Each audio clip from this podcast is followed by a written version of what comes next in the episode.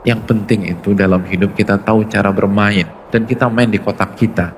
Ikan akan berpikir dia menjadi makhluk paling bodoh sedunia ketika ikan ada perintahkan untuk naik ke sebuah pohon.